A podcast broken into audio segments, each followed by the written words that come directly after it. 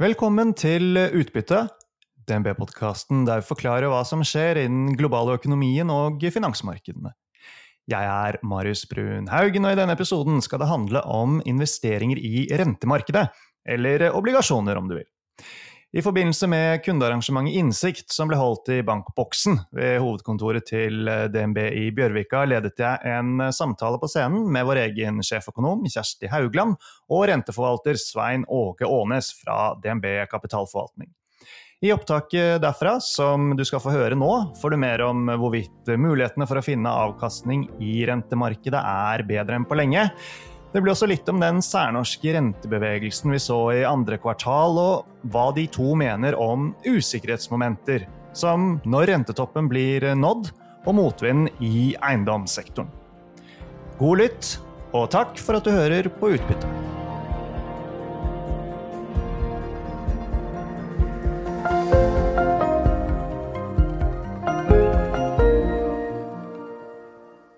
Hei, alle sammen. Eh, da skal vi diskutere litt rundt eh, renter.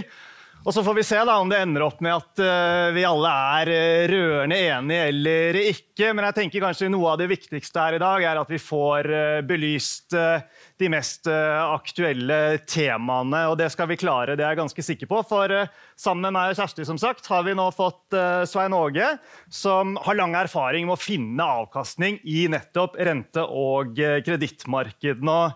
Ja, Vi har hatt sol og 27 grader i hovedstaden de siste dagene. Svein Åge. Da er det vel ikke vanskelig å få en vestlending eh, over hit til eh, Oslo, eller hva? Nei, vi har hatt sol i Bergen òg. Reiste fra sol til sol. Så nei da, men det var flott her i dag. Så ja. absolutt. Jeg var nylig i Bergen, og der eh, var det en som prøvde å fortelle meg at uh, nå har dere hatt flere soldager i Bergen enn i hovedstaden, men vi går ikke på det der, vet du. Men OK, vi lar, vi lar, ja, vi lar den ligge. Vi lar den ligge. Eh, jeg jobber med aksjer til daglig, men som dere vet, så kommer man jo ikke utenom, aksjer, eh, nei, utenom renter i aksjemarkedet heller. Og det jeg opplever, det er at stadig flere av eh, de som jeg snakker med og hører på, forteller meg at aksjemarkedet ikke er billig relativt til renter. Så dette er aktuelt nesten uansett hvilken side av hva skal vi si, dammen du står på. Og så er Norge, eh, Rentene har kommet raskt opp fra rekordlave nivåer. Prisen på penger har økt, aksjemarkedet er dyrt. Det går mot en myk landing for eh, økonomien, inkludert eh, her hjemme. Er mulighetene for å finne avkastning i rentemarkedet større enn på lenge? Jeg tror det klare svaret på det må være ja. Altså Hvis du bare tar rentemarkedet bredt fra bankinnskudd via obligasjoner og opp til, til high yield, så så løfter jo styrings- og kortrenten løfter jo alle båtene. Så når du nå kan få 5% i pluss i likviditetsfond, så kunne du ikke det for relativt kort tid siden. Så det er ganske åpenbart at uh, mulighetene er bedre. Og så tror jo vi, uh, det kommer vi sikkert inn på, da, men vi tror jo også at vi nærmer oss en rentetopp nå. Eh, og hvis vi gjør det, det er alltid usikkerhet rundt det, men hvis vi gjør det, så begynner jo også utsiktene, sånn som vi ser det, å bli vesentlig bedre for eh, avkastningen i, i produkter eller renteinvesteringer med, med noe renterisiko. Da.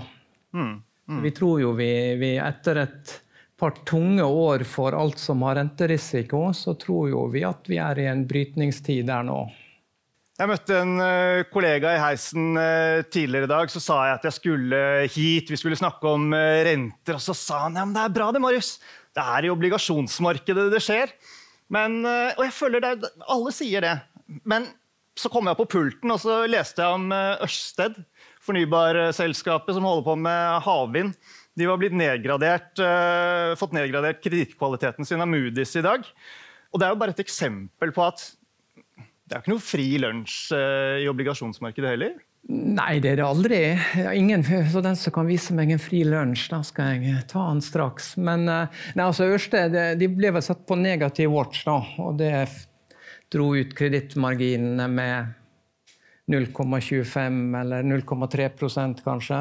Ja. Men det er jo så fortsatt sånn at de med sin uh, trippel B pluss-rating, de har vel en en femårsobligasjon har kanskje en kredittmargin på 0,7 nå, så de er jo fortsatt uh, De har fortsatt en strammere kredittmargin enn f.eks. DNB med sin AA minus-rating. Så det er, jo, det er, jo, en sektor, energi, som har handlet veldig dyrt. Eh, og som da, gjennom det som skjedde akkurat med det selskapet Ja, Og det var bare, bare et eksempel. For Ørsted, foreløpig er det ikke noe katastrofe for Ørsted som sådan, men uh, vi får se hva som skjer. Altså, fornybar eh, har jo sine utfordringer, det er ikke noe tvil om. Ja. Men sånn generelt, altså, er det flere nedgraderinger enn oppgraderinger av uh, kredittkvalitet om dagen? Eller er det bare sånn at det virker sånn fordi man, det er det man får med seg, Veldig, oss som sitter litt på siden av det? Vi ser på hele universet, og det gjør vi jo i, uh, i våre kredittkomitémøter. Så er det vel egentlig akkurat i år så har det vært helt uh, jevnt balansert med opp og ned. Altså, en, ser man på brede globale kredittbenchmarker, så er vel de på kredittmarginene så er de vel inn ti punkter, eller 0,1 hittil i år. Så egentlig det generelle bildet både når det gjelder opp-nedgradering og kredittmarginutvikling, har egentlig vært veldig stabilt, egentlig. Mm. Mm.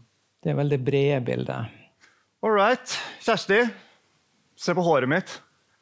Ja, nå er jeg spent. Ja, men ser du, Det står rett opp. Ja, det var egentlig det jeg tenkte. men vi visste ikke om jeg tørte. Det, bare, det var en sånn dag i dag altså når jeg sto opp. så det er sånn, Samme hvor mye jeg ville ha det ned, for jeg visste at jeg skulle hit. Det bare, det gikk ikke. Men så slo det meg da når jeg sto og så meg i speilet, at eh, ja, det, det, er jo en viss likhet her i forhold til håret mitt og styringsrentene.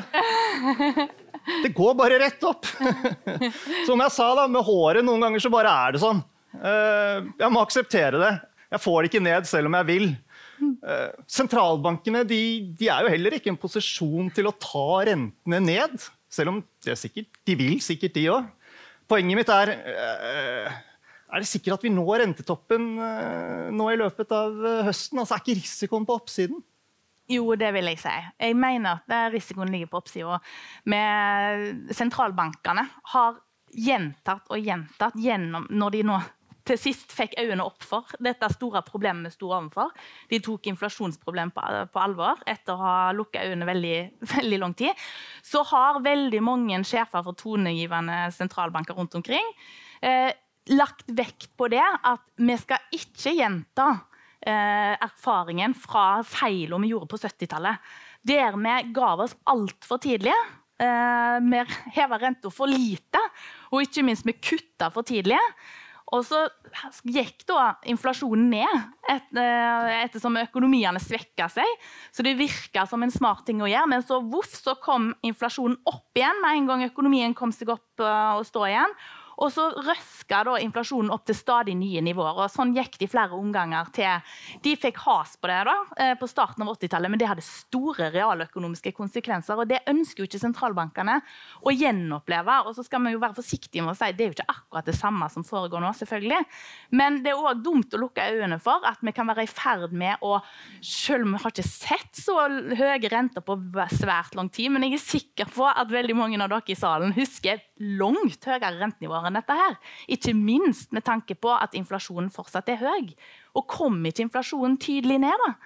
Altså i fall ikke om vi får en sånn periode med nedgang, men så kommer man opp igjen. Ja, Da er jo heller ikke realrentene særlig høye.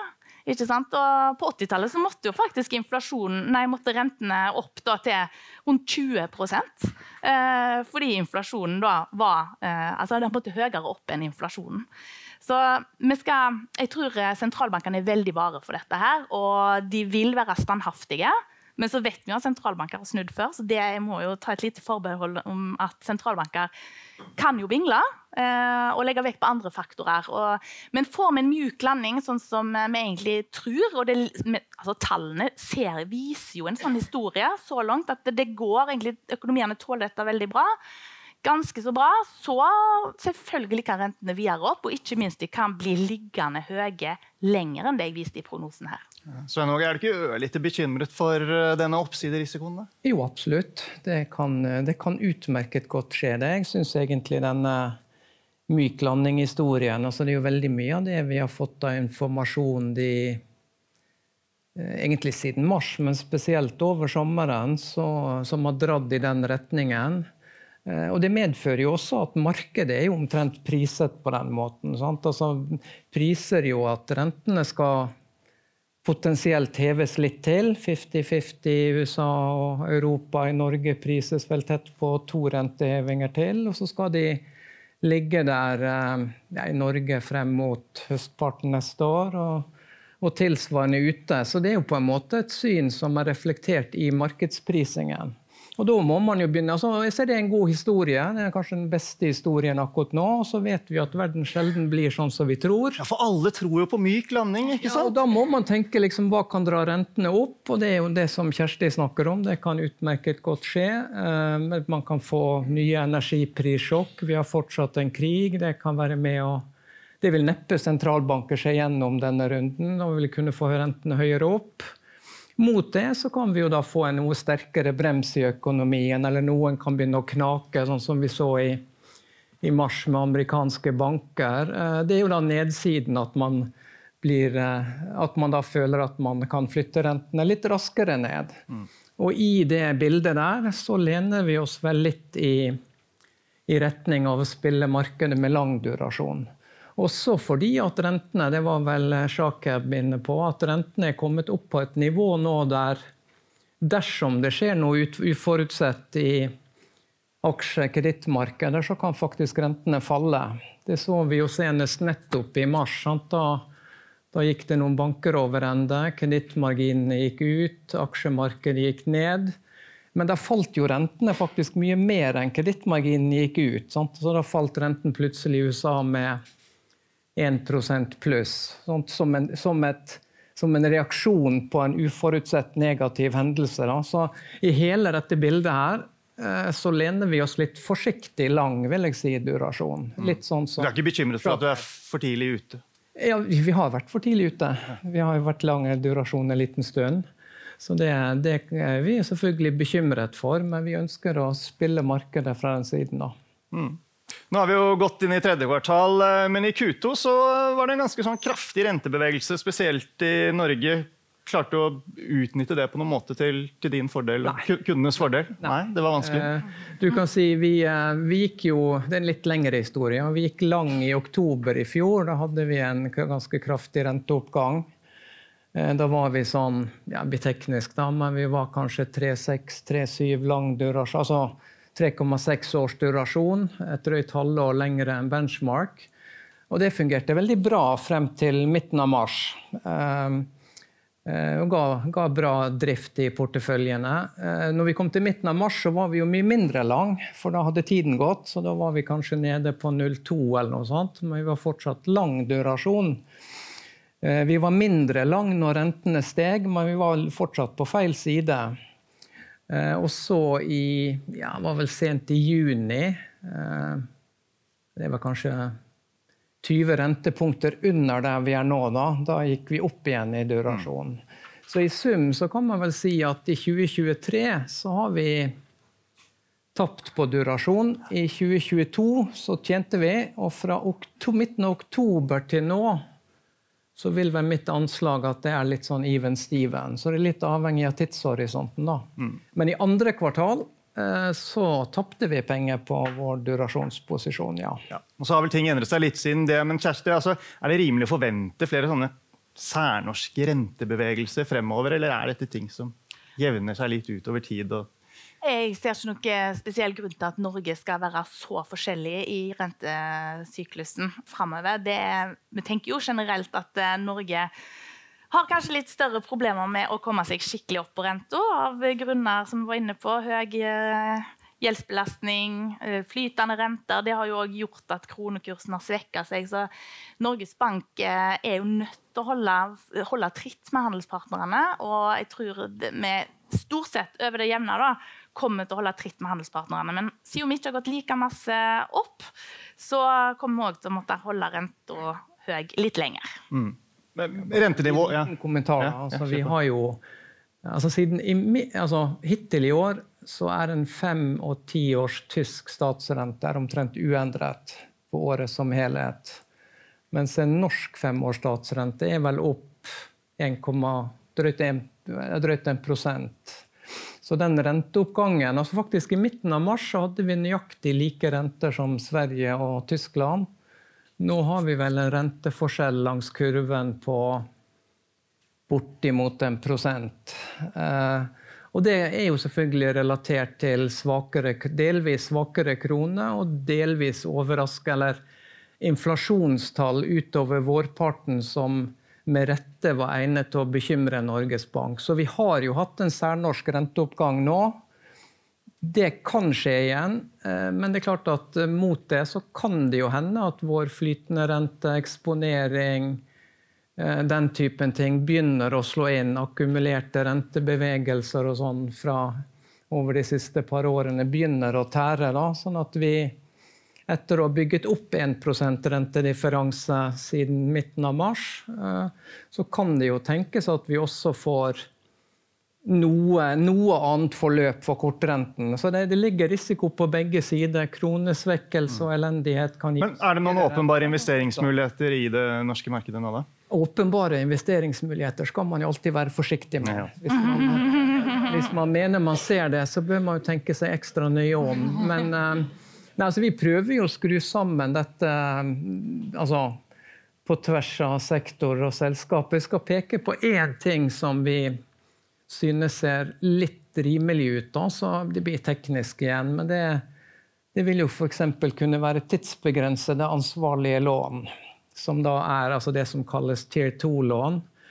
De ser egentlig relativt sett rimelige ut både mot seniorlån i bank og mot den andre si, ytterligheten på risikoskalaen for oss, som er fondsobligasjoner. Så hvis man ser liksom seniorlån er den, den sikreste delen, fondsobligasjoner er den, usikre, den minst sikre, så ser disse ansvarlige lånene egentlig litt billige ut mot begge de to ytterpunktene. Da.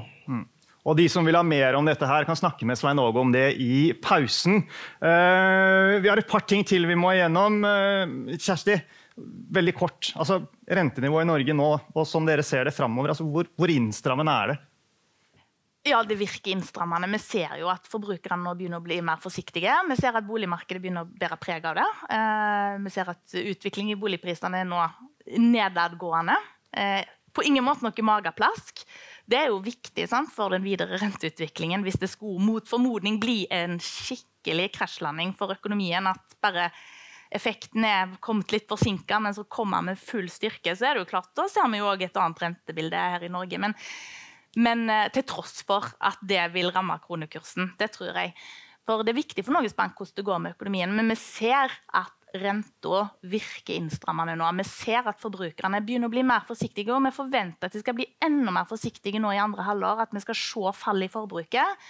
Og så har vi jo andre faktorer som bidrar til at vi likevel ikke tror at det blir nedgang i norsk økonomi. Vi tror mer det blir en stagnasjon nå i det nærme bildet. Fordi det som oppveier dette negative bildet med fallende boliginvesteringer særlig, men òg da nedadgående trend for forbruket, ja, det er en stat som bruker masse penger over statsbudsjettene. Et ekspansivt eh, budsjett.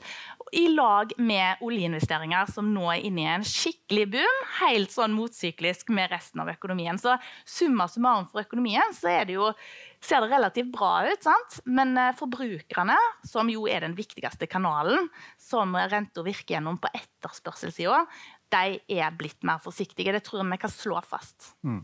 I forhold til eh, risikofaktorer, eh, sektorer som preges av dette her, Jeg vet ikke om jeg tør å bruke året åpenbart, men eh, eiendomssektoren, vi kommer ikke utenom den. Det er, litt, det er dagsaktuelt, spesielt svensk eiendom.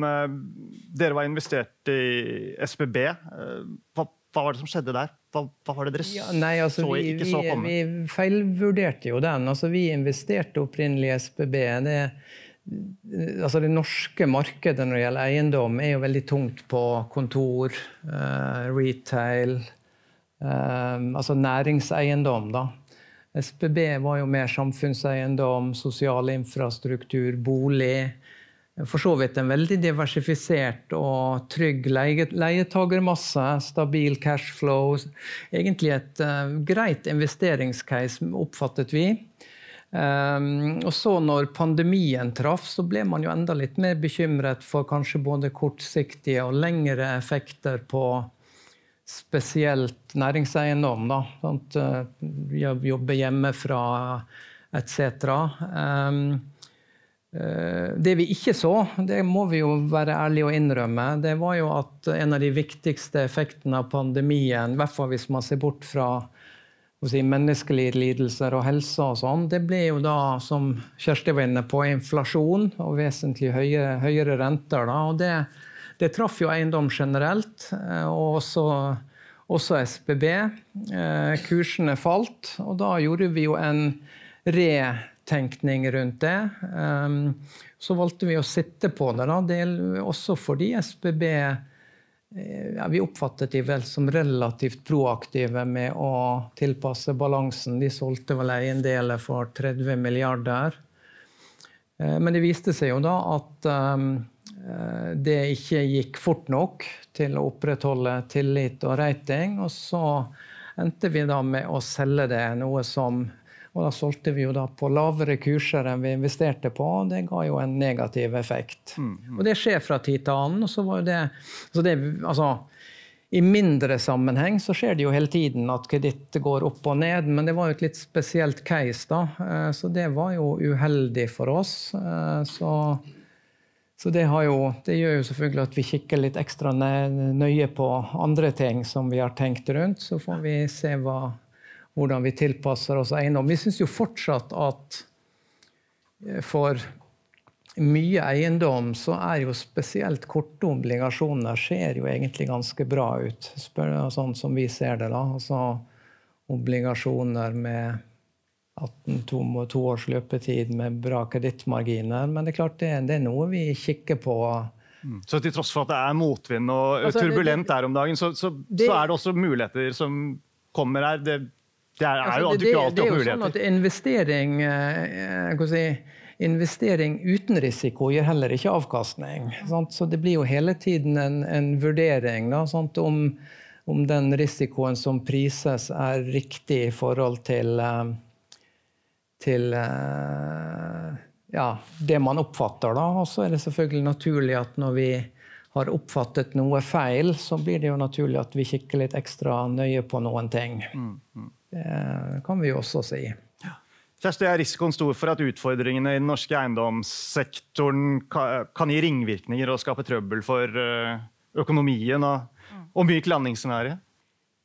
Vi har selvfølgelig tenkt over den saken. Dette har jo vært veldig oppe på dagsorden, eh, for å si det sånn, siden renten har kommet opp. Vi tror nok det er mer eh, problematisk for nettopp sånn enkeltinvesteringer i bransjen sånn, enn for at det skal gi store ringvirkninger inn i makroøkonomien. Hvis det skal skje, så mener vi egentlig først og fremst at da må det, da må det oppstå stress i det finansielle systemet. Eh, og hvis det skal sånn inn i banker og store tap osv. Og, og det, når vi får høre oss rundt med de som har greia på det, eh, så, så får vi inntrykk av at det så stort er ikke det, den risikoen i Norge. Da. Men internasjonalt så er det jo klart det, det er absolutt en ting som hører med på risikokartet. det, at eh, etter alle disse årene, og eiendom er jo bare et symptom på det, alle disse årene med med hoveløs jakt på avkastning nærmest i perioder, eh, fordi det har vært så lav avkastning eh, generelt. Så er det jo klart Du skulle jo nesten tro at det var noen sletter i skapet som kom ramlende ut, og det gjorde det jo i mars. Eh, men er det flere av de, og kommer de i andre former enn akkurat de tradisjonelle at banker får problemer? Kanskje kommer det en annen plass, og så ruller det videre i økonomien, og til slutt så kommer det inn i det finansielle systemet? Ja, det det skal vi på ingen måte utelukke, men det ligger ikke inne i vårt hovedscenario. Det er jo fordi at vi mener at det er mer sannsynlig at det ikke skjer. Mm. For Gjeldsgraden er mye lavere nå, selv i USA, på næringseiendom enn det som han var før finanskrisen. Jeg har lyst til å ta en del mer, men jeg ser at vi begynner å løpe ut på tid. Så vi får avslutte litt der vi startet. Da. Jeg sa jo innledningsvis at uh, si, aksjer som jeg kommer fra, det, det, er stadig flere som tar til orde for at alternativavkastningen til aksjer er god. Altså, merker du økt interesse fra investorene, Svein Åge? Ja, vi gjør jo for så vidt det. Og det er vel da spesielt to områder. Det er uh, likviditetsfond. Uh, det er ja, det, det, har jo kanskje sammenheng med bankinnskuddsrenter og forskjeller og, som ligger der. Så der ser vi noe. Og så ser vi noe på en del på high der det har kommet inn en, en god del penger i, i 2023. Eh, obligasjoner med renterisiko eh, har jo en litt eh, dårlig avkastning nå i eh, ja, i hvert fall 20 måneder, da, og kanskje litt mer. Så det, der har vi ikke sett like mye. Men eh, vi tror jo faktisk at det er et av de områdene som kan gi eh, god avkastning si de neste to, tre, fire årene. da. Mm. Bra. Det får bli eh, siste ord, så med det så sier vi tusen takk for oss.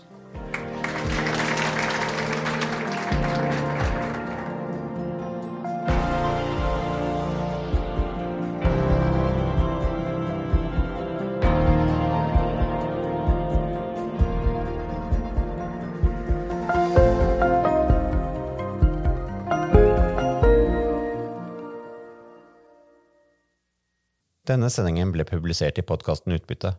Innholdet i sendingen er å anse som markedsføringsmateriale fra DNB og er ment å være generell spareveiledning. Sendingen skal ikke oppfattes som et tilbud om å kjøpe eller selge finansielle instrumenter, eller som investeringsrådgivning tilpasset den enkelte investors situasjon.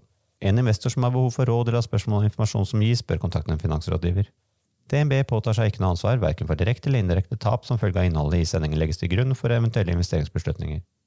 Husk at historisk avkastning aldri er noe garanti for fremtidig avkastning. Avkastningen kan bli negativ som følge av kurstap.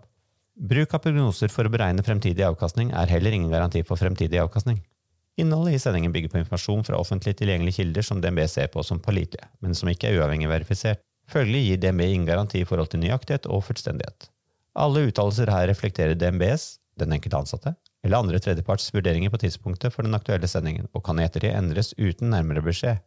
Ytterligere informasjon om bl.a. kildebruk og interessekonflikter er tilgjengelig på dnb.no skråstrek invest, bindstrek disclaimer.